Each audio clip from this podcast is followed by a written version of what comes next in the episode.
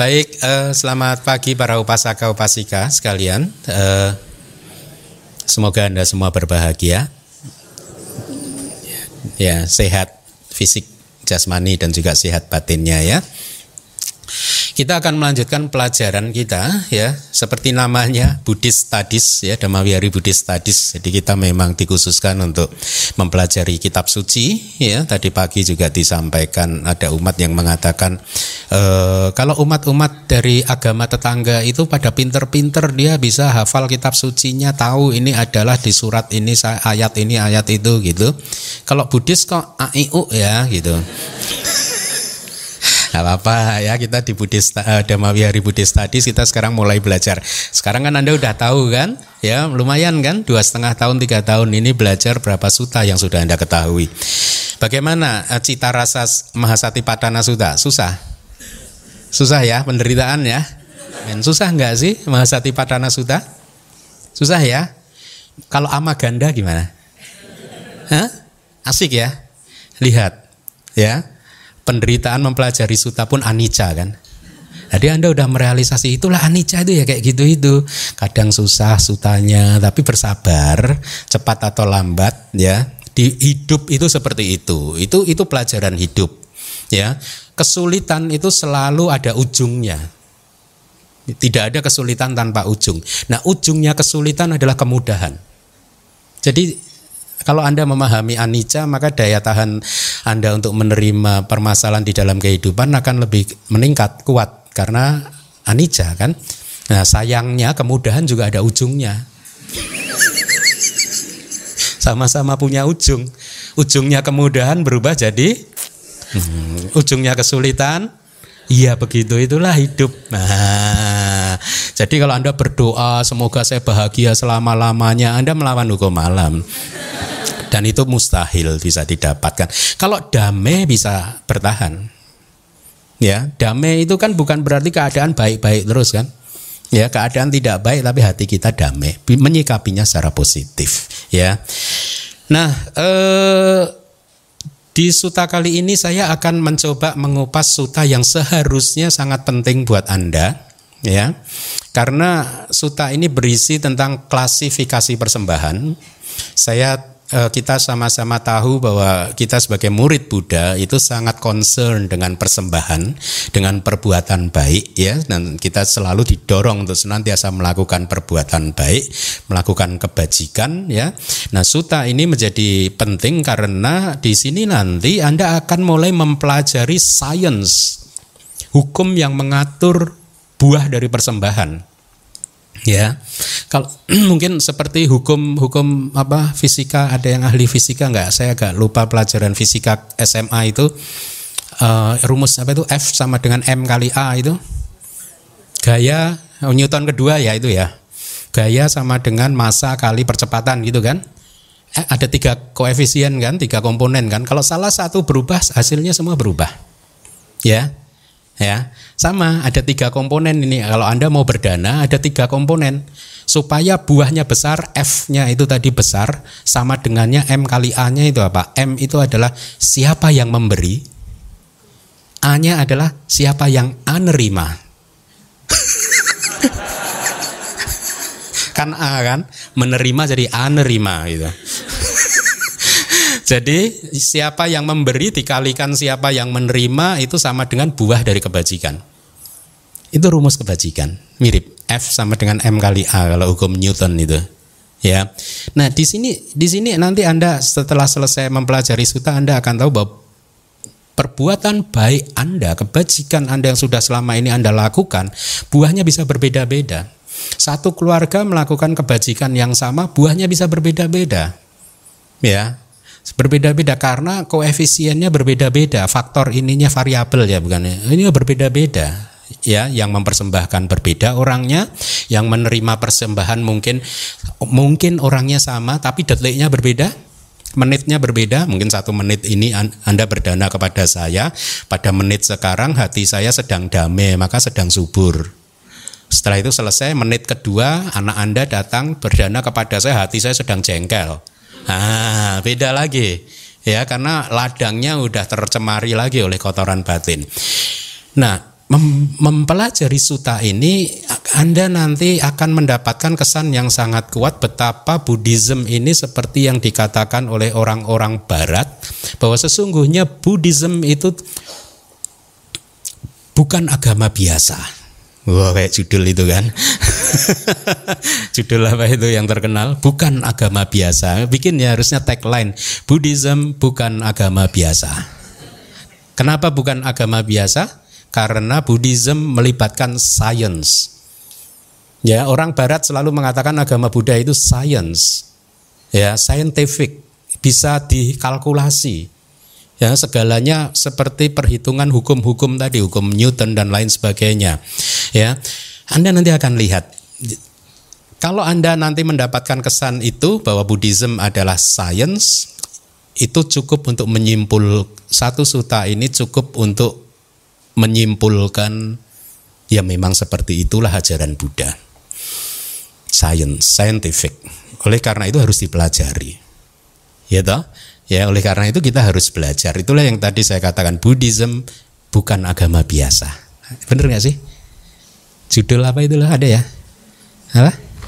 Sinetron apa judulnya? Jangan menuduh saya nggak nonton sinetron. Saya cuma tahu aja orang suka begitu nulis-nulis gitu. Hah? Adalah ya. Jadi bikin kaos Buddhisme bukan agama biasa gitu. Nantilah si lagu. Ya. Nah, eh, itu pesan ini yang di awal harus saya sampaikan supaya Anda mendapat kerangka analisis ya. Eh, petunjuk analisis dari pesan yang saya sampaikan apakah benar apa itu yang e, tertulis di suta itu nanti akan memberikan kesan saintifik kepada Anda atau tidak. Suta kali ini berasal dari e, Majjhima Nikaya. Seperti yang Anda sudah ketahui kitab suci kita dibagi menjadi lima nikaya. Ya Majjhima Nikaya adalah nikaya yang kedua MN masing-masing dari lima nikaya itu sesungguhnya mempunyai cirinya sendiri-sendiri ya. Katakanlah kalau diga nikaya itu diga itu panjang. Jadi itu adalah kumpulan suta-suta yang sangat panjang ya. Kalau sekarang Majima Nikaya itu adalah kumpulan suta-suta yang Majima, yang menengah, ya. Tidak begitu panjang, tidak begitu pendek, cukup panjang, ya. Dan itu berbeda dengan suta-suta yang misalkan kayak kemarin Amaganda Suta. Ya, itu sangat pan, uh, pendek kan, relatif pendek ya. Jadi ciri-ciri itu ada. Demikian pula dengan Kudaka Nikaya, Anggutara Nikaya, masing-masing akan mempunyai uh, kalau Anda eh, cermati masing-masing mempunyai cirinya yang berbeda-beda. Nah, judul sutanya adalah Dakina Wibangga Suta dari Majjhima Nikaya, suta ke-142. Jadi di Majjhima Nikaya itu kalau eh, terbagi menjadi tiga kelompok yang masing-masing kelompok terdiri dari 50 suta ya jadi ada uh, mula pan uh, ya 50 suta yang pertama, 50 suta yang tengah dan 50 suta yang terakhir gitu. Berarti ini termasuk yang di terakhir kali ya 142 ya. Nah, eh eh apa? Saya terjemahkan jadi klasifikasi persembahan meskipun kadang ada yang menerjemahkan jadi analisis persembahan. Tetapi kalau mengikuti kata palinya harusnya wibangga itu lebih ke pembagian klasifikasi bukan menganalisa ya meskipun sutanya juga nanti ada analisisnya ya makanya demi mendekatkan dengan kata palinya asli saya terjemahkan jadi klasifikasi persembahan ya Uh, jangan kaget buat PIC yang akan membaca sutanya karena ini dari Majjhima Nikaya maka sutanya akan sangat panjang ya. Tapi saya harap Anda uh, nanti pada saat mendengarkan dan membaca tulisan di layar sambil Anda resapi maknanya untuk kemudian saya akan jelaskan sesuai dengan penjelasan di kitab-kitab komentar seperti biasanya ya. Ya, selam apa eh, bersiaplah untuk mendengarkan suta yang panjang. Silakan. Demikianlah yang telah saya dengar pada suatu waktu Begawan tinggal di antara para saka di Kapilawatu, Taman Nigroda. Kemudian Mahapajapati Gotami membawa sepasang kain yang masih baru dan mendekat ke tempat di mana begawan berada. Setelah mendekat, memberikan hormat kepada begawan, dia duduk di satu sisi. Jadi ini istilahnya uh, pemeran sentralnya di Suta ini adalah Mahapajapati Gotami. Ya, Anda kenal dengan beliau ya. Tahu nama beliau. Uh, ya, karena suta ini sangat panjang, saya harus sampaikan bahwa ini saya ambil dari salah satu website online, ya. Demi menghemat waktu saya, karena kalau saya terjemahkan langsung dari Pali menjadi sangat uh, panjang, menyita waktu. Tapi walaupun saya mengambil dari salah satu website online, saya ubah kata-kata tertentu yang menurut saya lebih pas begitu ya. Jadi eh, kita saya berterima kasih kepada website tersebut kita lanjutkan. Setelah duduk di satu sisi, Maha Pajapati Gotami berkata ini kepada begawan, Bante, sepasang kain yang baru ini telah dipintal oleh saya sendiri, ditenun oleh saya sendiri, khusus untuk begawan. Yang mulia, sudilah begawan menerima persembahanku ini demi belas kasih. Ketika hal ini dikatakan, begawan berkata kepadanya, persembahkanlah kepada Sangga Gotami. Jika engkau mempersembahkannya kepada Sangga, maka baik aku maupun Sangga telah dihormati.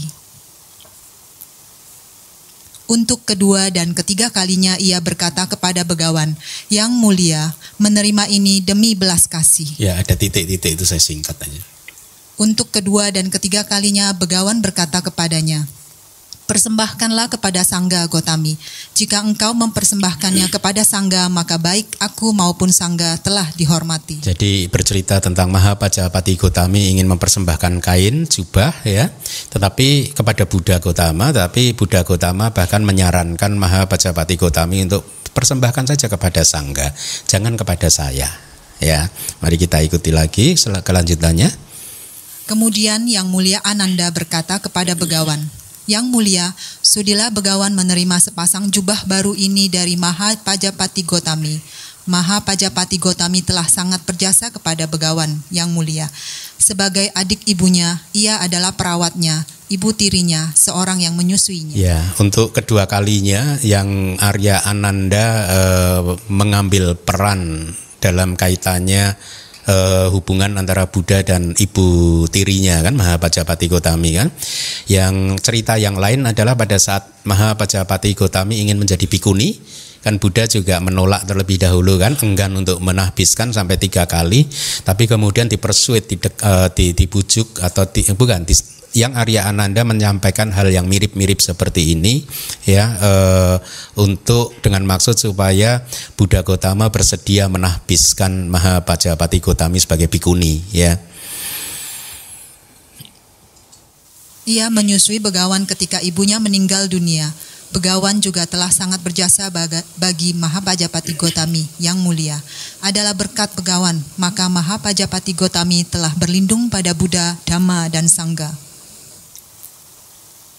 adalah berkat begawan maha, maka Maha Pajapati Gotami menghindari membunuh makhluk-makhluk hidup, menghindari mengambil apa yang tidak diberikan, menghindari perilaku salah dalam kenikmatan indria, menghindari kebohongan, dan menghindari arak, minuman keras, dan minuman memabukkan yang menjadi landasan bagi kelengahan adalah berkat begawan, maka Mahapajapati Gotami memiliki keyakinan yang tak tergoyahkan pada Buddha, Dhamma, dan Sangga, dan ia memiliki moralitas yang disenangi oleh para mulia. Adalah berkat begawan, maka Mahapajapati Gotami terbebas dari keraguan-raguan terhadap penderitaan, terhadap asal mula penderitaan, terhadap lenyapnya penderitaan, dan terhadap jalan menuju lenyapnya penderitaan. Begawan telah sangat berjasa bagi Mahapajapati Gotami. Demikianlah Ananda, demikianlah. Ketika seseorang yang berkat orang lain telah berlindung pada Buddha, Dhamma, dan Sangga, aku katakan adalah tidak mudah bagi orang pertama itu membalas orang kedua dengan cara memberikan penghormatan. Bangkit untuknya, memberikan salam penghormatan dan pelayanan sopan, dan dengan memberikan jubah, makanan, tempat tinggal, dan obat-obatan. Ketika seseorang berkat orang lain telah menghindari membunuh makhluk-makhluk hidup, menghindari mengambil apa yang tidak diberikan, menghindari perilaku salah dalam kenikmatan indria, menghindari kebohongan, dan menghindari arak, minuman keras, dan minuman memabukkan yang menjadi landasan bagi kelengahan, aku katakan adalah tidak mudah bagi orang pertama itu membalas orang kedua dengan cara memberikan penghormatan dan obat-obatan. Ketika seseorang berkat orang lain terbebas dari keraguan-raguan terhadap penderitaan, terhadap asal mula penderitaan, terhadap lenyapnya penderitaan, dan terhadap jalan menuju lenyapnya penderitaan, aku katakan adalah tidak mudah bagi orang pertama itu membalas orang kedua dengan cara memberikan penghormatan dan obat-obatan. Ketika seseorang berkat orang lain memiliki keyakinan yang tak tergoyahkan pada Buddha, Dhamma, dan Sangha, dan memiliki moralitas yang disenangi oleh para mulia, aku katakan adalah tidak mudah bagi orang pertama itu membalas orang kedua dengan cara memberikan penghormatan dan obat-obatan. Terdapat empat belas jenis persembahan pribadi Ananda. Seseorang yang memberikan suatu pemberian kepada Tathagata yang sempurna dan tercerahkan sempurna, ini adalah persembahan pribadi jenis pertama. Seseorang yang memberikan suatu pemberian kepada seorang paceka Buddha, ini adalah persembahan pribadi jenis kedua. Ya, ini kita mulai membaca klasifikasi persembahan. Tapi persembahan yang ditujukan kepada pribadi, sangga, anggota sangga, bukan kepada sangga, tapi anggota sangga. Yang tertinggi adalah persembahan yang diberikan kepada Tata Gata atau Buddha, yang kedua adalah kepada Paceka Buddha, dan nanti sampai ke 14 kita akan ikuti. Seseorang yang memberikan suatu pemberian kepada seorang arahat siswa Tathagata, ini adalah persembahan pribadi jenis ketiga seseorang yang memberikan suatu pemberian kepada seorang yang telah memasuki jalan untuk mencapai buah kearahatan. Ini adalah persembahan pribadi jenis keempat. Seseorang yang memberikan suatu pemberian kepada seorang yang tidak kembali lagi, ini adalah persembahan pribadi jenis kelima. Seseorang yang memberikan suatu pemberian kepada seorang yang telah memasuki jalan untuk mencapai buah yang tidak kembali lagi, ini adalah persembahan pribadi jenis keenam. Seseorang yang memberikan suatu pemberian kepada seorang yang kembali sekali lagi, ini adalah persembahan pribadi jenis ketujuh. Seseorang yang memberikan suatu pemberian kepada seorang yang telah memasuki jalan untuk mencapai buah yang kembali sekali lagi, ini adalah persembahan pribadi jenis kedelapan.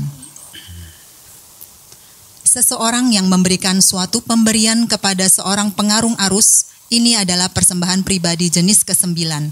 Seseorang yang memberikan suatu pemberian kepada seseorang yang telah memasuki jalan untuk mencapai buah pengarungan arus. Ini adalah persembahan pribadi jenis kesepuluh seseorang memberikan suatu pemberian kepada seseorang di luar sasana yang bebas dari nafsu akan kenikmatan indria, ini adalah persembahan pribadi jenis ke-11. Seseorang memberikan suatu pemberian kepada seorang biasa yang bermoral, ini adalah persembahan pribadi jenis ke-12 seseorang memberikan suatu pemberian kepada seorang biasa yang tidak bermoral, ini adalah persembahan pribadi jenis ke-13. Seseorang memberikan suatu pemberian kepada binatang, ini adalah persembahan pribadi jenis ke-14. Iya, persembahan kepada binatang menempati urutan ke-14 atau urutan yang terakhir dari klasifikasi persembahan yang ditujukan kepada individu, ya.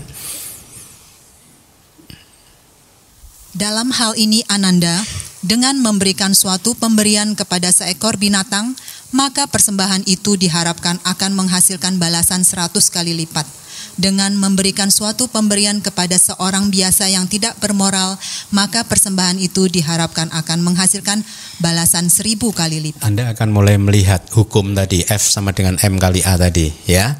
Jadi di sini yang terendah memberikan manfaat atau menghasilkan buah 100 kali lipat nanti akan dijelaskan di kitab komentarnya. Makin meningkat penerima dari persembahan maka buahnya juga makin meningkat ya. Jadi 100 kali lipat menjadi 1000 kali lipat kemudian 100 ribu kali lipat dan seterusnya dengan memberikan suatu pemberian kepada seorang biasa yang bermoral, maka persembahan itu diharapkan akan menghasilkan balasan seratus ribu kali lipat. Dengan memberikan suatu pemberian kepada seseorang di luar sasana yang bebas dari nafsu akan kenikmatan indria, maka persembahan itu diharapkan akan menghasilkan balasan seratus ribu kali seratus ribu kali lipat. Ya. Uh, arti dari seseorang di luar sasana adalah uh, pertapa yang non Buddhis ya yang di luar ajaran Buddha. Kemudian dengan memberikan suatu pemberian kepada seorang yang telah memasuki jalan untuk mencapai buah pengarungan arus, maka persembahan itu diharapkan akan menghasilkan balasan yang tidak terhitung, tidak terukur. Apalagi yang harus dikatakan tentang pemberian kepada seorang pengarung arus. Ya, ini kalimat ini menarik. Dulu pertama kali saya mendengar penjelasan dari saya do saya itu bulu kuduk saya berdiri gitu. sampai dia berdiri merinding begitu. Kalimatnya waktu itu dengan bahasa Inggris kira-kira sangat sangat sangat tajam, sangat bagus dan itu membekas di di saya bahwa memberikan persembahan kepada seorang seseorang yang baru mencapai sotapati jalan saja itu buahnya sudah tidak terukur gitu kira-kira guru saya dulu apalagi yang harus disampaikan persembahan yang diberikan kepada individu yang di atasnya lagi yang sudah mencapai buah atau sakadagami jalan sakadagami uh, yang sudah mencapai jalan dan buah dan seterusnya gitu. Jadi hanya bahkan kepada seorang sotapana yang baru mencapai jalan sotapati saja buahnya sudah tidak terukur tidak terhitung sangat besar ya. Kalimat yang berikutnya itu yang membekas di hati saya. Lalu apalagi yang harus dikatakan tentang pemberian kepada seorang pengarung arus atau yang di atasnya dan seterusnya gitu.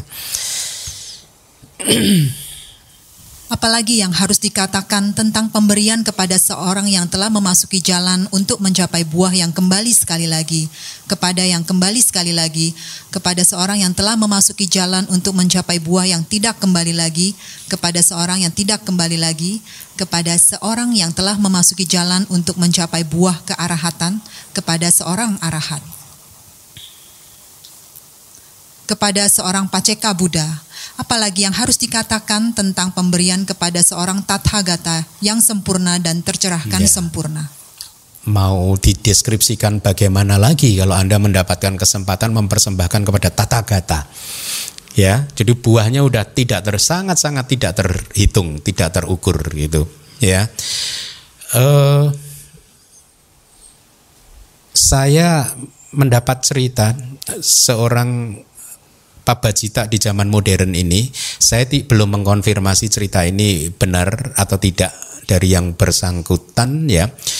Ada seseorang yang dulu pada waktu zaman Buddha Gotama beliau ini terlahir sebagai rusa di Taman Rusa. Ya. Pada saat Bodhisatta sudah mulai meninggalkan praktek ekstrim kan? Lima pancawagia biku, uh, pancawagia itu yang lima pertapa yang lain itu kan kemudian mengang, memandang Bodhisatta sebagai seseorang yang telah lemah di dalam prakteknya dan mulai hidup uh, nyaman gitu kan? Karena dia mulai makan lagi. Sehingga lima pertapa meninggalkan beliau dan katanya di dalam cerita tersebut rusa tersebut out of respect karena hormat. Ya saya lupa ceritanya bagaimana. Singkat cerita dengan tekad sebagai sebagai seekor binatang beliau ingin menemani uh, rusa tersebut ingin menemani tata gata. Nah singkat cerita ya uh, setelah kelahirannya sebagai rusa begitu meninggal dunia dia lahir di alam surga kalau tidak salah. Kemudian dari alam sur eh bukan. Dia lahir sebagai cucunya Wisaka ya ya ya. Perempuan yang paling murah hati itu Wisaka ya.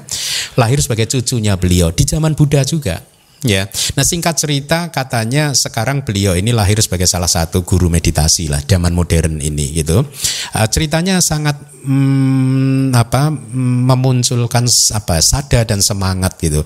Bagaimana bahkan sebagai seekor rusa mempersembahkan atau mempunyai maksud baik untuk uh, istilahnya itu membantu atau mungkin merawat begitu ya tathagata sebagai seekor rusa itu pun buahnya sangat besar sekali ya sampai uh, beliau akhirnya tidak lama ya meskipun 2600 tahun kemungkinan beliau sudah sebentar lagi gitu ya mungkin akan keluar dari samsara Ya, buahnya sedemikian besar. Ya.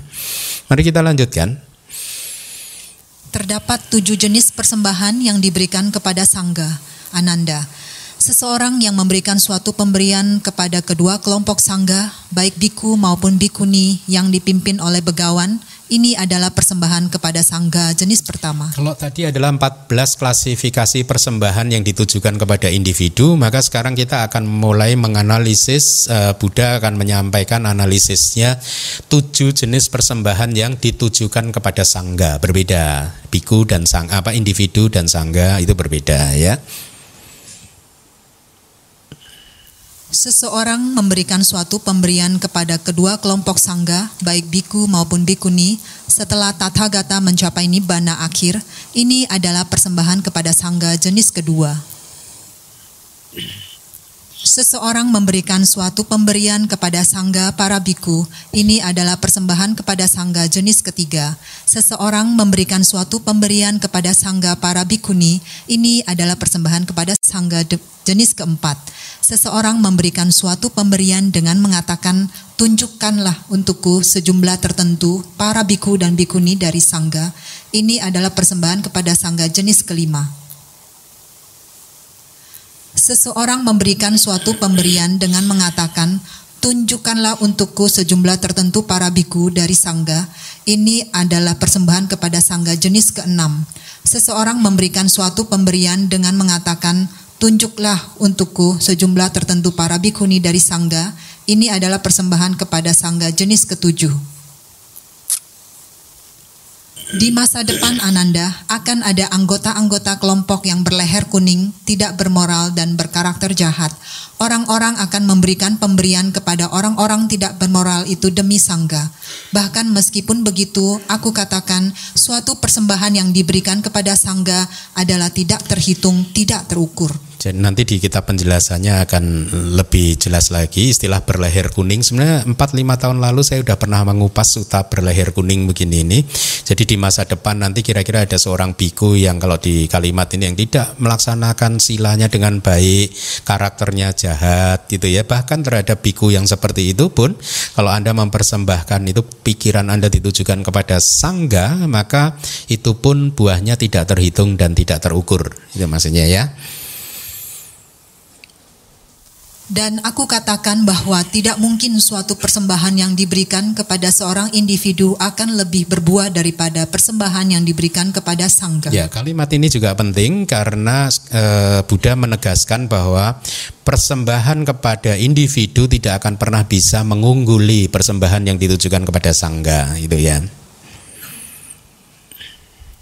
Terdapat Ananda empat jenis pemurnian persembahan. Apakah empat ini? Ada persembahan yang dimurnikan oleh si pemberi, bukan oleh si penerima. Ada persembahan yang dimurnikan oleh si penerima, bukan oleh si pemberi.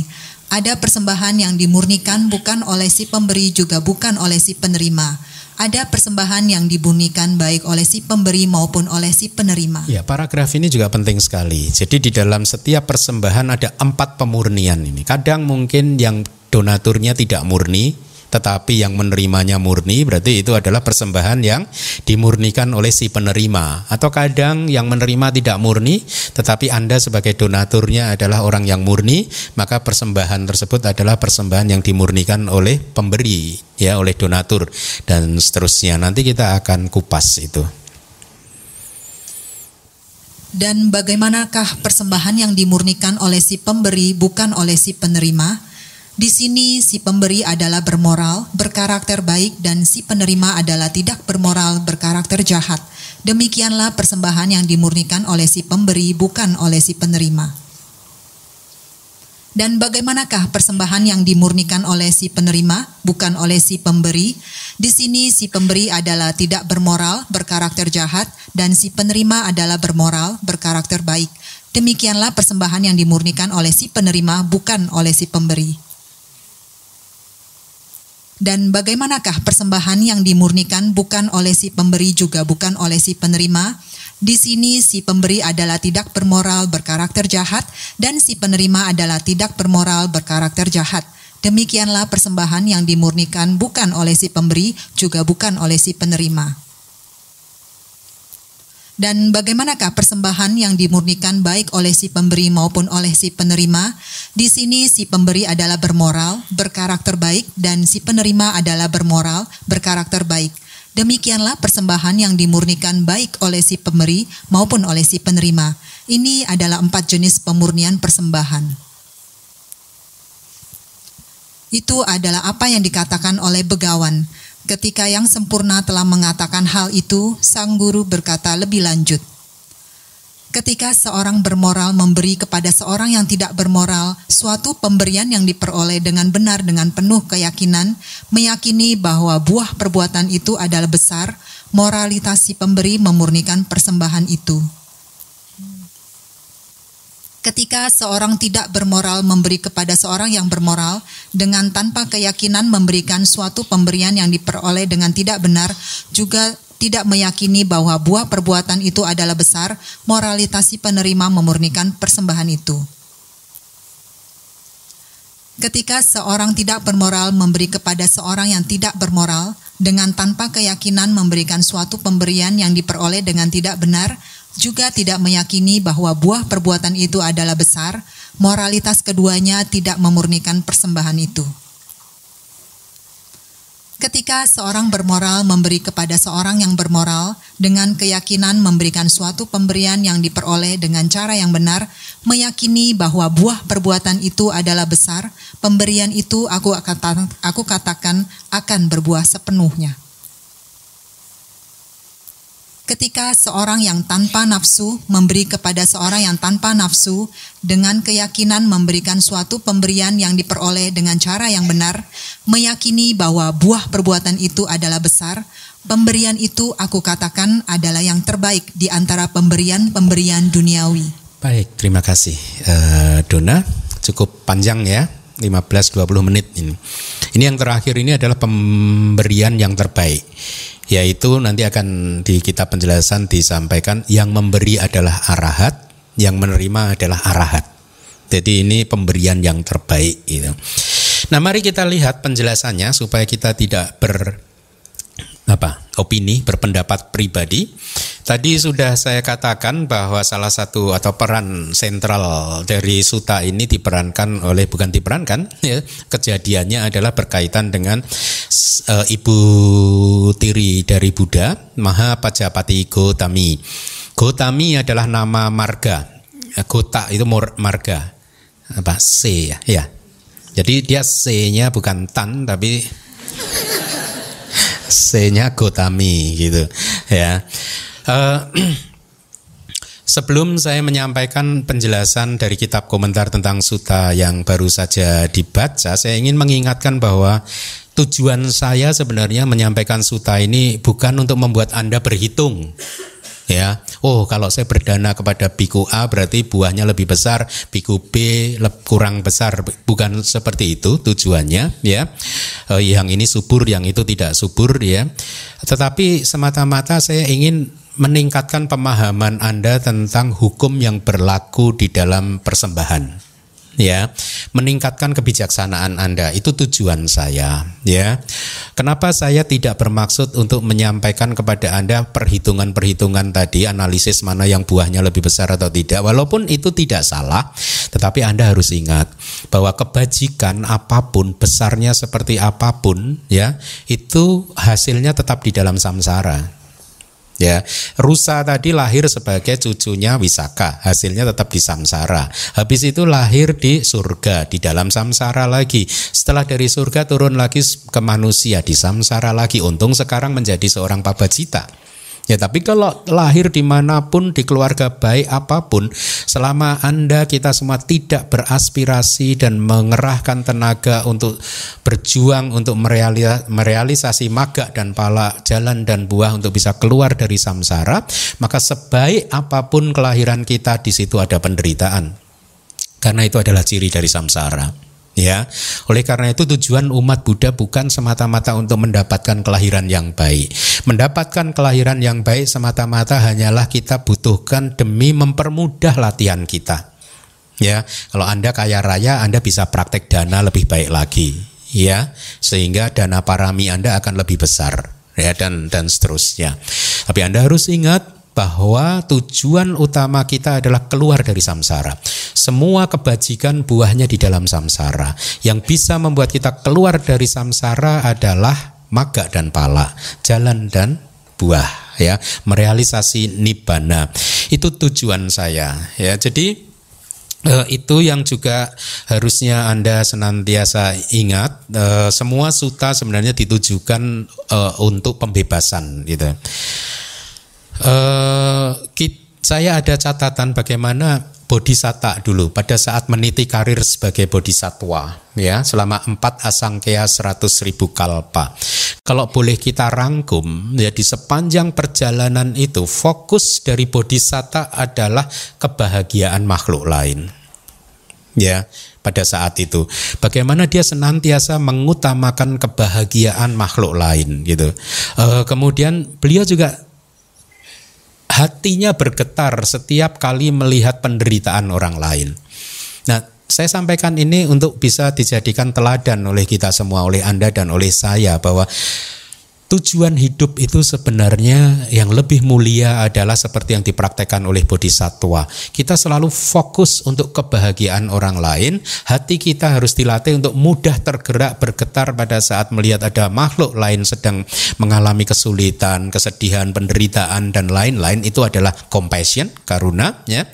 Kemudian senantiasa mengharapkan kesuksesan, kebahagiaan. Kalau kita melihat teman kita sedang sukses atau bahagia, kita ucapkan di dalam hati, semoga kamu bisa mempertahankan kesuksesan dan kebahagiaan kamu. Semoga kebahagiaan dan kesuksesan ini bisa berlangsung lebih lama demi kebahagiaan kamu. Nah, kita melatih hati kita untuk bermudita ya kemudian kita juga melatih batin kita untuk tenang seimbang UPK ya, ya tidak memihak ke kiri tidak memihak ke kanan. Kalau ada seseorang yang sukses kita merenung itu semua karena buah karma dia. Kalau ada seseorang yang tidak sukses kita sudah membantu semaksimal mungkin. Tetap saja tidak bisa bangkit keluar dari kubangan penderitaannya. Kita merenung dengan tenang seimbang bahwa sabe sataka masaka bahwa semua makhluk itu sesungguhnya mempunyai karma sebagai propertinya sendiri-sendiri ya pemilik dari karmanya sendiri-sendiri ya. Apa pun yang dialami oleh makhluk baik ataupun buruk itu semua karena karmanya sendiri-sendiri. Jadi dengan demikian kita bisa tenang seimbang Kadang ada saja orang yang tidak tenang dan seimbang ketika melihat uh, mungkin orang yang dicintainya itu sedang berbahagia, sedang mengalami kesuksesan, dia kehilangan keseimbangan dirinya dengan melekat terlalu berlebihan, tertawa bahagia terlalu berlebihan. Sebaliknya kalau teman dan sahabat itu sedang mengalami kesulitan ikut menangis, jadi kehilangan UPK-nya, kehilangan keseimbangannya. Nah, bodhisatwa tidak seperti seperti itu. Nah, tidak hanya beliau mempraktekkan orientasi mental ataupun uh, sifat perilaku yang mulia seperti itu tadi, beliau juga memenuhi 10 uh, 30 parami ya. Jadi uh, bodhisattva berlatih dana ya kepada semua makhluk tanpa kecuali. Tidak berhitung seperti tadi. Nah, tadi kenapa disampaikan nggak apa-apa tidak itu baik juga gitu tapi kita harus tahu bahwa motivasi kita adalah untuk keluar dari samsara untuk bisa keluar dari samsara persembahan lakukan kepada siapa pun tanpa terkecuali ya Beliau juga senantiasa melatih silanya. Anda juga begitu, kita juga harus begitu. Beliau melatih nekamanya. Nekama itu adalah kamanang nisaranang. Meninggalkan kenikmatan-kenikmatan indriawi. Ya, kenapa harus ditinggalkan kenikmatan indriawi? Karena tidak kekal, tidak stabil. Ya, akan sia-sia pada Anda untuk mengejar kenikmatan indriawi yang tidak stabil, ya dan parami-parami yang lain ya seperti sabar menghadapi kesulitan apa pun ya. E, kemudian kejujuran juga beliau bisa dipercaya tekadnya yang kuat untuk berjuang e, memperjuangkan kebahagiaan dan kesejahteraan makhluk lain itu tekadnya sangat kuat.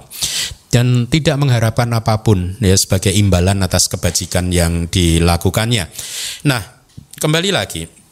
Ke Suta Mahapajapati Godami itu sebenarnya adalah adik perempuan dari uh, ibu kandung Buddha Pangeran Siddhartha ya Ratu Mahamaya.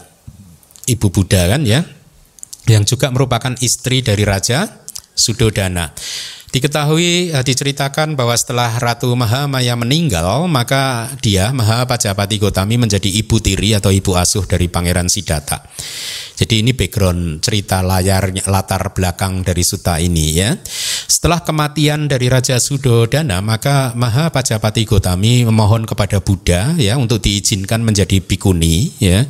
Beliau adalah uh, bikuni pertama di uh, sasana Buddha Gotama ini Ya, bikuni pertama di uh, sasana dari Buddha Gotama adalah Mahapajapati Gotami yang tadi sempat saya singgung meskipun awalnya Buddha menolak tetapi sesungguhnya Buddha tidak pernah melakukan sesuatu tanpa pertimbangan uh, meta karuna kebijaksanaan dan lain sebagainya semua yang dilakukan Buddha itu tujuannya adalah baik. Kenapa beliau menolak Mahapajapati Gotami? Karena menurut Buddha, apabila perempuan diterima menjadi anggota sangga sebagai seorang bikuni, maka usia dari sasana berkurang. Ajaran Buddha ini usianya jadi makin pendek. Kalau makin pendek yang rugi siapa? Ya banyak banyak makhluk, dewa, manusia dan semua makhluk yang lain akan rugi karena usia sasananya menjadi uh, tidak panjang kan ya. Uh, kalau anda ikuti cerita, mungkin di lain waktu saya akan sampaikan cerita itu agak dramatis juga ya. Bagaimana Buddha menolak beliau untuk pada awalnya beliau untuk menjadi bikuni dan kemudian menerima setelah diyakinkan oleh yang Arya Ananda ya. Nah, singkat cerita, Mahapajapati Gotami ini setting uh, waktunya mundur lagi pada hari kelahiran dari Mahapajapati Gotami ya. Pada hari pemberian nama atau nama karena diwasa para brahmana ternyata kebiasaan India dulu kalau ada anak yang lahir mereka mengundang pemuka agama untuk memberikan prediksi ramalan gitu ya. Para brahmana yang telah menerima penghormatan ya dari keluarga yang baru melahirkan anak dia mencoba untuk memeriksa bayi yang baru lahir. Ketika mereka Brahma, para brahmana tersebut melihat ciri atau tanda-tanda keberhasilan, lakana sampati, tanda kemuliaan dari bayi yang kemudian menjadi bernama Mahapajapati Gotami, maka mereka meramalkan begini kira-kira apabila ya oh bayinya belum lahir masih di kandungan ya jadi dari ciri-ciri keberhasilan uh, mungkin mereka mempunyai satu teknik sendiri untuk mengetahuinya ya.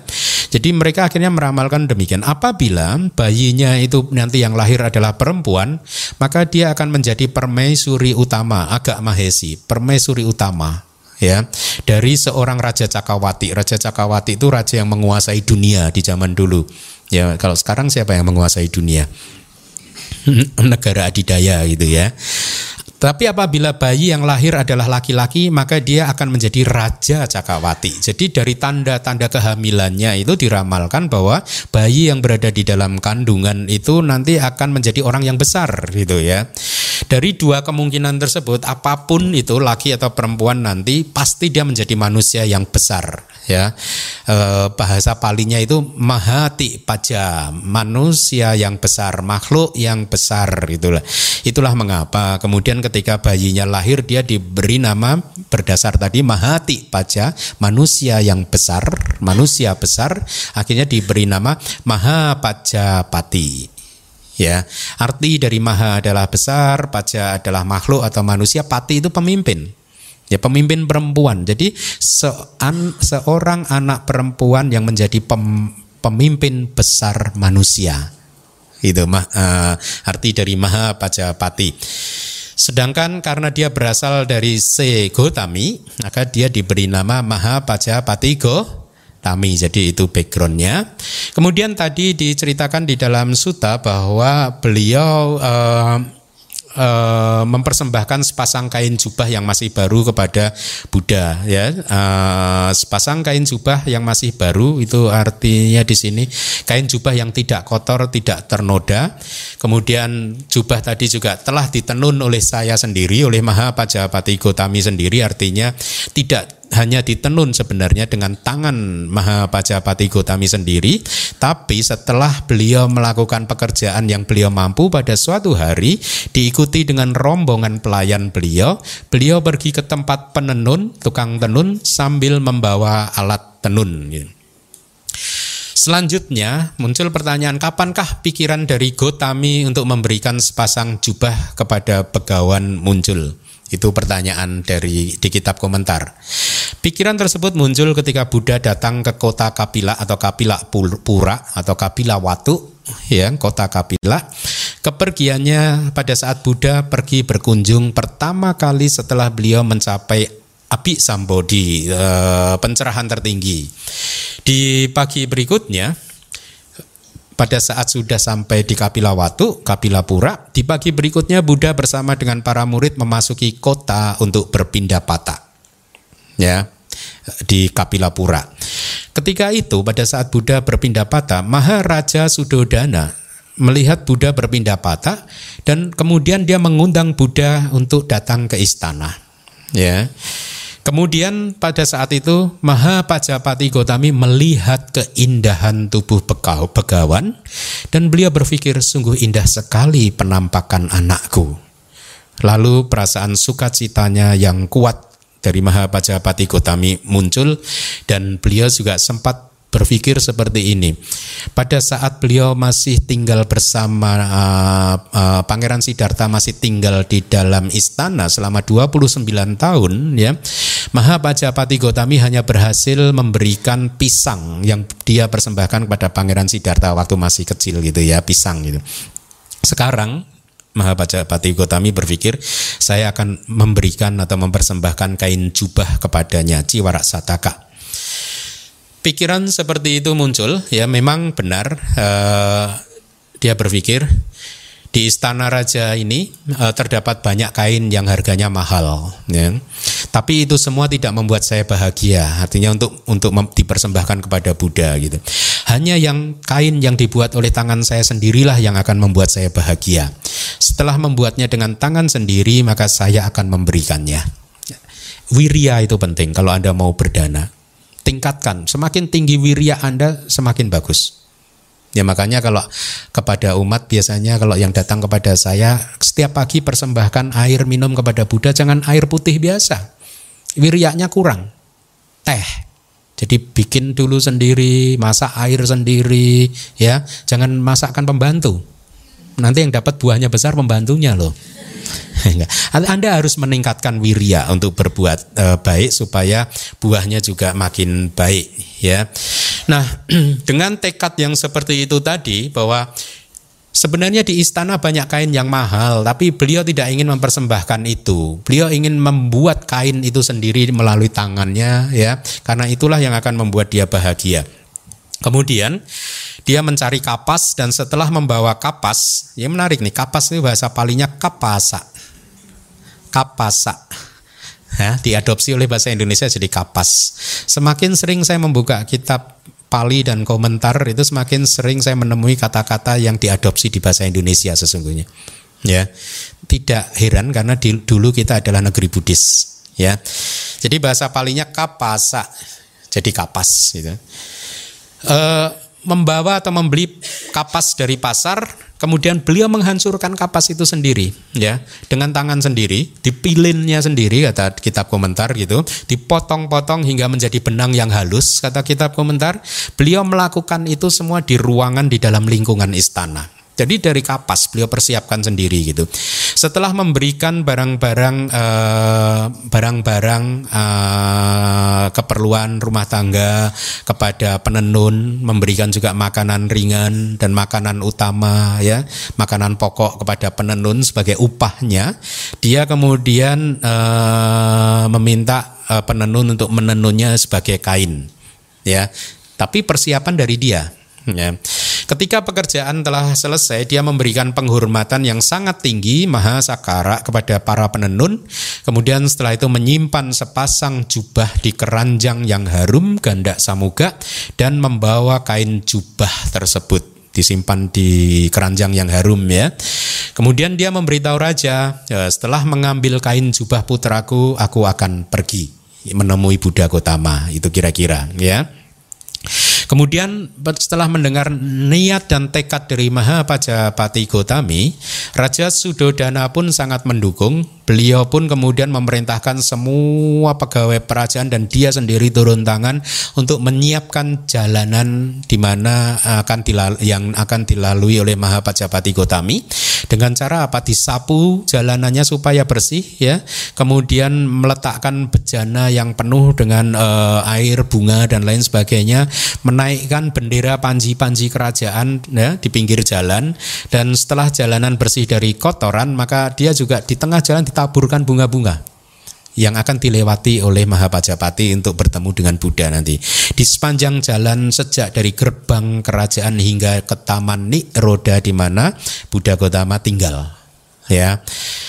Kemudian tadi ada kata-kata eh, perkataan yang dimulai dengan Bante ya. Mahapajapati Gotami berkata kepada Buddha kain ini saya sendiri yang memintal dan seterusnya ya yang membuat gitu kira-kira. Artinya adalah Mahapajapati pun dari kitab komentar setelah berhias dengan semua perhiasan meletakkan keranjang di kepala di kepala ya kayak zaman kita dulu ya nenek-nenek kakek kita dulu ya. Dan diikuti oleh rombongan pelayan pergi e, bertemu ke hadapan begawan gitu setelah duduk di satu sisi setelah berhadapan-hadapan dengan begawan Mahapajapati Gotami berkata yang demikian kepada Begawan, Bante, sepasang kain yang baru ini telah dipintal oleh saya sendiri, ditenun oleh saya sendiri, khusus untuk Begawan. Yang mulia, sudilah Begawan menerima persembahanku ini demi belas kasih. Jadi eh, dengan berhias, ya tadi kan ada kan, ada nggak? Berhias dengan semua perhiasan. Anda juga gitulah kalau ke DBS. Enggak ya, kan ada Buddha loh. Berhias lah, katanya sering loh saya dilapori. Bante kalau umat tetangga sebelah itu kalau ke tempat ibadah itu rapi-rapi sekali. Kenapa umat Buddha nggak bisa ya? Gitu. Huh? Atasila, ya yang atasila yang enggak, ah, atasila yang enggak, yang yang Pancasila boleh, malah itu bagus loh. Ini bagus contohnya, tuh kan ada Buddha juga.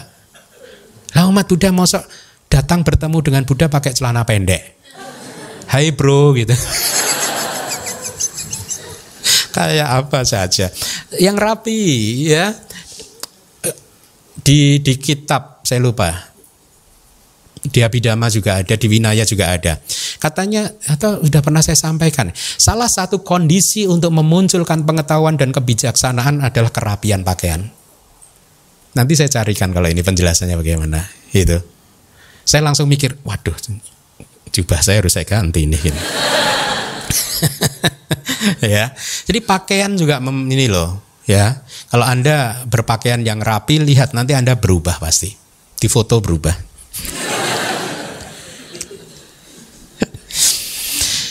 Untuk kedua kalinya dikatakan berkaitan dengan e, kalimat persembahkanlah kepada Sangga Gotami itu kalimat dari Buddha kan.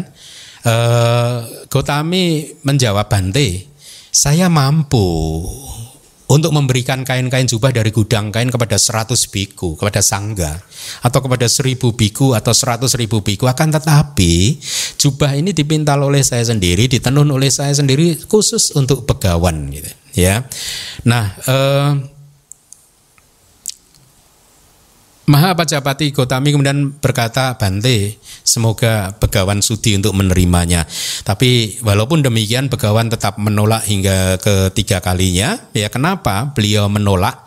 Apa yang membuat Begawan menyarankan kepada Gotami untuk memberikannya kepada Sangga sebagai pengganti uh, daripada diberikan kepada Buddha secara pribadi. Ya, ya ini poin ini juga harap dipahami oleh umat ya.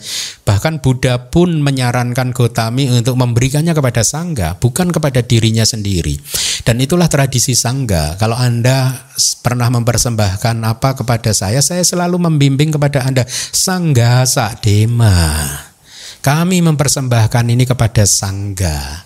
Atau kalau tidak saya bimbing dengan bahasa Indonesia, saya persembahkan dana ini kepada sangga.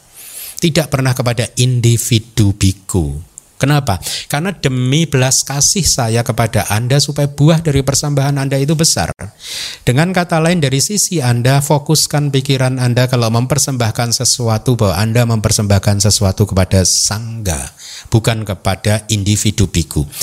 Pertimbangannya adalah matari anu kampaya bahasa palinya itu uh, matari itu ibu anu kampaya itu belas kasih ya anu kampa demi belas kasih kepada ibunya sendiri.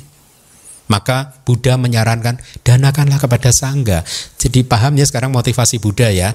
Atas dorongan belas kasih Buddha kepada Mahapajapati Gotami itu sendiri beliau menyarankan jangan diberikan kepada individu. Berikan kepada sangga. Karena buahnya akan besar buat beliau. Ya. Sangat compassionate ya. Sangat penuh kewelas asihan ya Buddha ya. Nah, eh, di kitab komentar dijelaskan kenapa? Karena kalau dipersembahkan kepada sangga itu penjelasannya seperti ini. Ada tiga cetana. Cetana itu kehendak.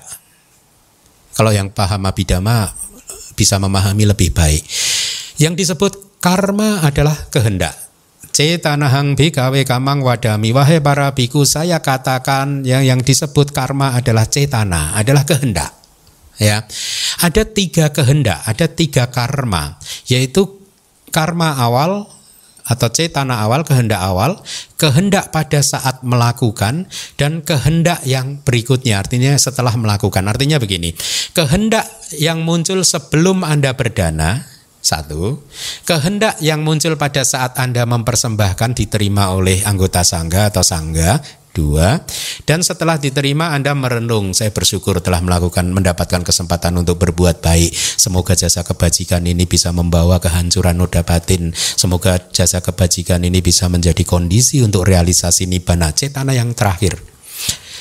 Di dalam setiap perbuatan perhatikanlah tiga cetana ini sebelum melakukan sesuatu pada saat berhadapan-hadapan dengan yang men menerima persembahan Anda dan sesudahnya ya. Nah, ada tiga cetana yang berkaitan dengan Buddha.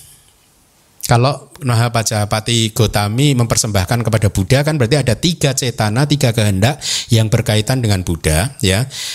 Juga ada cetana atau kehendak yang muncul berkaitan dengan sangga. Dengan demikian ada enam cetana ada enam kehendak yang menjadi satu kira-kira. Ya kalau abidama paham tidak menjadi satu ya. Enam kehendak yang menjadi satu karena ini bahasa suta kan?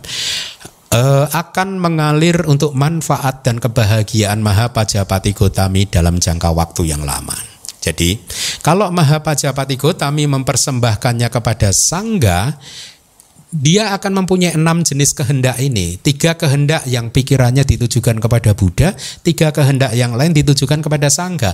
Enam cetana ini bersatu menjadi akan menghasilkan buah yang besar buat Mahapajapati Gotami di kehidupan yang berikutnya. Itu kira-kira. Jadi sekarang Anda tahu alasan Buddha menyarankan untuk mempersembahkan kepada Sangha adalah dengan atas dasar belas kasih Buddha demi manfaat yang besar yang akan dipetik oleh Mahapajapati Gotami. Nah, walaupun demikian ada Witandakwadi. Witandakwadi itu seorang sofis, seorang pemikir dari aliran lain. Dia mengatakan bahasa palinya Sangge Dinang Mahapalanti itu. Dia mengatakan bahwa sesuatu yang didanakan kepada sangga itu berbuah besar. Ya memang benar ya. Sesuatu yang didanakan kepada sangga berbuah besar. Dana kepada sangga bahkan lebih besar daripada dana kepada Buddha. Benar ya karena Buddha adalah individu, sangga adalah komunitas, kelompok ya. Ketika Buddha menganjurkan Gotami untuk memberikan jubah kepada sangga, maka pada saat itu sesungguhnya persembahan diberikan kepada Buddha dan juga sangga. Jadi di sini secara tidak langsung guru atau Buddha menganjurkan untuk mendanakan kepada dirinya sendiri juga karena pertimbangan buah kebajikan yang juga sangat besar seperti yang tadi sudah saya sampaikan. Jadi kan ada kalimat di suta kira-kira begini, di dunia ini ataupun di dunia sana, di alam-alam yang lain, tidak ada orang yang terkemuka yang sama seperti Buddha, yang menyamai Buddha. Gitu. Persembahan yang diberikan kepada Buddha memberikan buah yang berlimpah untuk mereka yang mengharapkan buah dari kebajikan tadi. Gitu. Nah, jadi enam cetana atau enam kehendak yang tadi itu menjadi satu demi manfaat Gotami dalam jangka waktu yang panjang. Itulah mengapa tadi Buddha dikatakan menolak hingga tiga kali kan? Ditolak kan? Jangan, jangan kepada saya, sembah persembahkan kepada sangga. Nah sekarang kita akan lihat penjelasannya di kitab berikutnya di slide berikutnya. Jadi dengan mengatakan yang demikian tadi juga dimaksudkan sebagai alasan untuk melakukan penghormatan kepada sangga oleh orang-orang generasi berikutnya. Jadi kira-kira demikian pemikiran dari Buddha gitu di kitab komentar disebutkan seperti ini. Buddha berpikir, saya tidak bertahan lama di dalam kehidupan kali ini ya. Oleh karena itu ajaran saya harus kokoh. Kokohnya di mana di biku sangga ya bukan kokohnya di umat kokohnya di biku sangga ya nah generasi berikutnya harus mempunyai rasa hormat kepada sangga. Jangan sampai nanti setelah Buddha parinibbana generasi berikutnya tidak mempunyai hormat kepada sangga. Itulah mengapa kemudian Buddha menolak hingga sekali lagi tiga kali dan menganjurkan untuk memberikan kepada sangga. Ya, tujuannya ada semacam memberi apa tuh presiden ya contoh yang bisa ditiru oleh generasi berikutnya bahwa dulu di masa lalu Buddha menganjurkan seperti ini. Ini alasan yang kedua. Ya, untuk presiden supaya apa? Biku sangga kokoh, sangga kokoh. Sangga itu kokoh kalau Anda mendukung. Kalau Anda nggak mendukung, saya nggak bisa apa-apa. Bayangkan kalau nggak ada yang dana kepada saya gimana? Dana makan maksud saya. Hah? Apa yang terjadi? Ada dua kemungkinan kalau saya mau mempertahankan sila saya tujuh hari saya meninggal dunia. Kalau tidak mau meninggal dunia ya saya harus masak makanan sendiri. Melanggar sila. nah saya berterima kasih pada Anda. Karena ada Anda saya bisa praktek sila saya. Tanpa Anda sila saya pecah juga. Ya.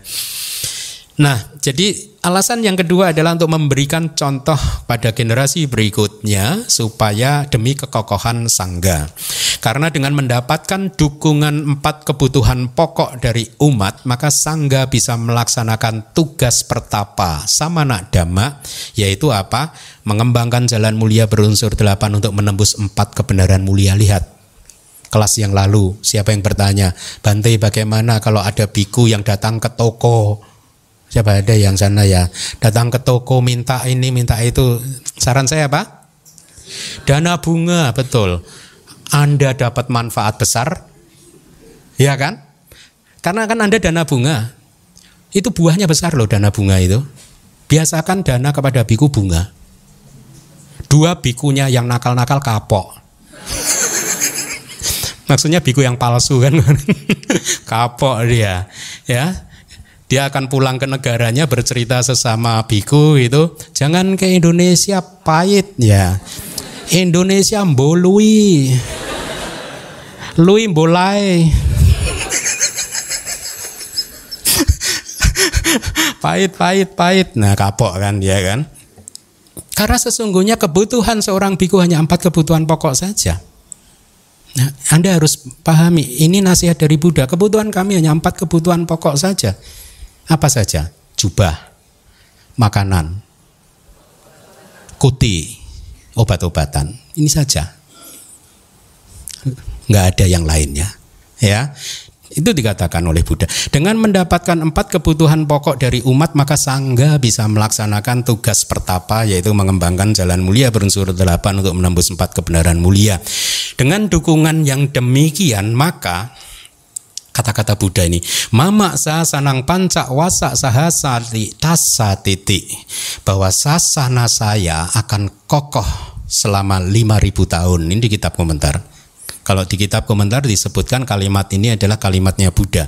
Mama sanang panca wasa sahasati tasati mama sasanang sasana mai, mai sasana sasana saya ajaran saya akan kokoh untuk selama panca wasa sahasa. Jadi untuk uh, panca wasa sahasa lima uh, ribu tahun. Ya. Jadi apabila tapi kalau anda nggak mendukung sangga ya kurang. Ya. Kurangnya bagaimana? Ya kalau anda mendukung sangga secara keliru, ya anda dana macam-macam di luar empat kebutuhan pokok, sangganya keenakan, nggak latihan, nggak belajar kitab suci, nggak latihan, ya nggak sampai lima ribu tahun. Salah siapa? Hah? Salah Anda. anda bikin bikin saya lupa. Nah, nah jadi kembali lagi Apabila hanya dipersembahkan ke Buddha, maka persembahan tersebut tidak menghasilkan buah besar buat Gotami dan buat Sasana karena hanya ada tiga cetana saja. Dengan demikian penolakan Buddha bukan karena adanya kemarahan kepada Ananda atau Gotami, melainkan hanya karena uh, belas kasihnya. Hal ini uh, tadi sudah saya katakan sebagai presiden. Alasan yang lain, yang ketiga, dari kitab komentar, Buddha mengetahui bahwa Gotami mempunyai rasa cinta kasih yang besar kepada uh, Buddha Gotama karena beliau adalah ibu tirinya kan.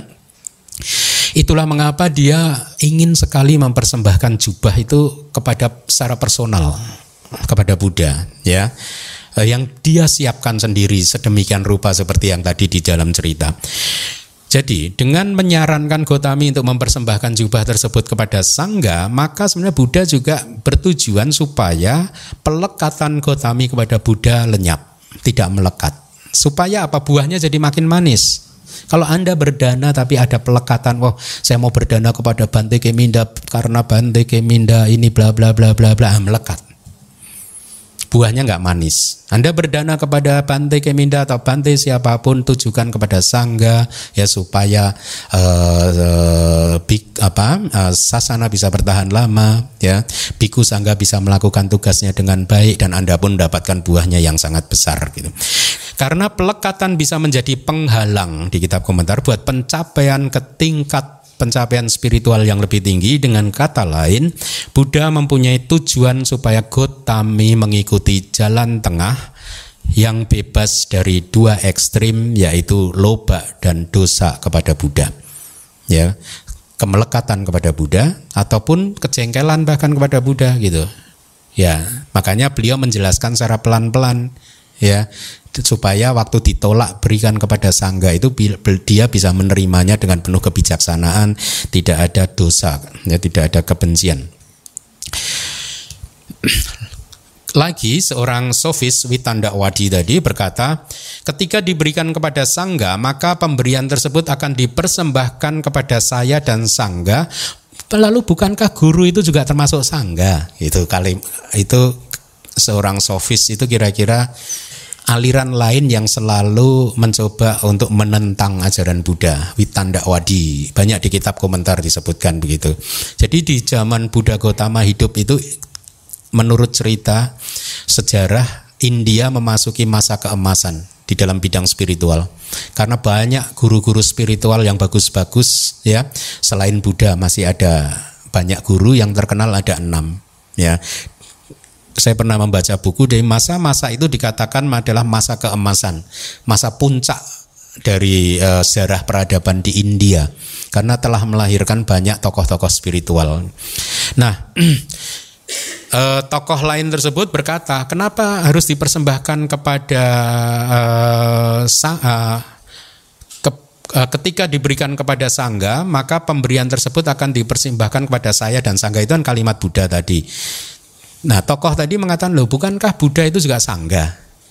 Hah? Lalu apa bedanya? Buddha itu sangga enggak sih? Hah? Sangga ya? Ya, untuk sementara saya belum jawab. Benar atau salah Anda lihat sendiri. ya. Nah, kepada dia hendaknya disampaikan begini, apakah kamu tahu ada berapa perlindungan dan ada berapa keyakinan yang sempurna? Berapa? Tiga kan ya berdasarkan pernyataan tersebut ratana kan tiga perlindungan kan Buddha Dhamma dan Sangga berdasarkan pernyataan tadi maka apabila Buddha itu termasuk di dalam Sangga maka hanya ada dua perlindungan yaitu berlindung pada Dhamma dan Sangga Buddhanya kan masuk di Sangga Hah? Tapi kan kenyataannya tidak demikian toh Buddha, Dhamma dan Sangga. Jadi sedangkan di Mahawaga Winaya kitab Winaya Pitaka ada dikatakan seperti ini. Anu janami bikawe imehiti hi sarana gamane babajang upasampadanti. Artinya wahai para biku saya mengizinkan ya pabaja uh, pentahbisan samanera dan upas sampada pentahbisan biku dengan menggunakan tiga jalan perlindungan ya ti sarana gamana tiga jalan perlindungan ya. Dari kalimat ini kita tahu bahwa sesungguhnya Buddha tidak termasuk ke dalam sang enggak ya. Jadi itu yang benar. Jadi Anda sal nar. Enggak salah, sanar. ya. Dan apabila hanya mengambil dua jalan perlindungan, kalau Buddha itu sama dengan Sangga berarti hanya ada dua perlindungan, jalan perlindungan, maka seseorang tidak bisa di lakukan penahbisan sebagai samanera, pabaja dan upasampada. Ya. Dalam kondisi seperti ini, bu, seseorang yang hanya mengambil dua perlindungan tadi dhamma dan sangga, dia itu bingung. Disebut pabajita bukan, disebut perumah tangga juga bukan. Itu kalimat di kitab komentar ya. Contoh yang lain, ketika Buddha tinggal di kuti yang beraroma harum, ganda kuti. Jadi kutinya Buddha itu aromanya harum, ganda. Para biku duduk melakukan sangga kama seperti uposata dan juga pawarana. Ya. Apabila Buddha termasuk di dalam sangga, maka sangga kama tersebut tidak menjadi kokoh karena tanpa Buddha. Tapi tentu tidak demikian karena Buddha bukan termasuk di dalam sangga. Jadi Anda dapat ilmu yang baru ya. Nah, mengingat waktu saya rasa kita cukupkan sampai di sini dulu. Masih ada kelanjutannya minggu depan. Terima kasih.